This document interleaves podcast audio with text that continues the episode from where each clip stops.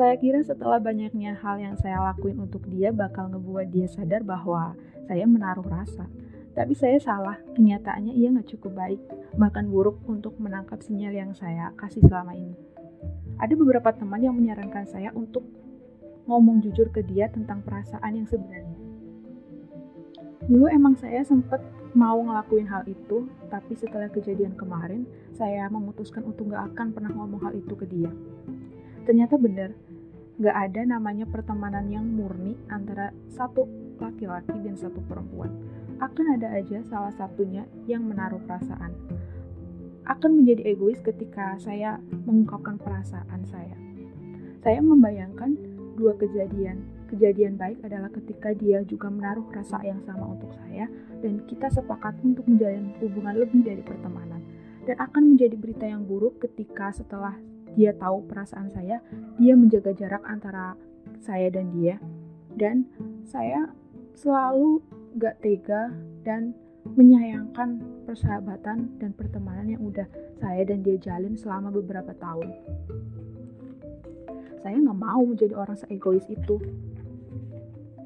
Saya nggak mau menjadi seseorang egois yang saya ingin persahabatan dan pertemanan ini lebih dari teman, tapi dia sendiri nggak pengen.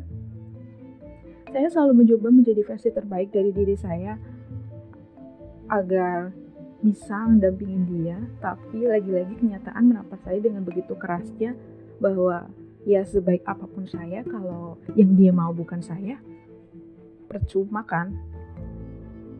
Ada di posisi seperti sekarang ini rawan membuat seseorang untuk menyalahkan dirinya sendiri saya selalu memberikan afirmasi positif ke diri saya sendiri bahwa ini semua bukan mutlak atas kesalahan saya yang terlalu berharap.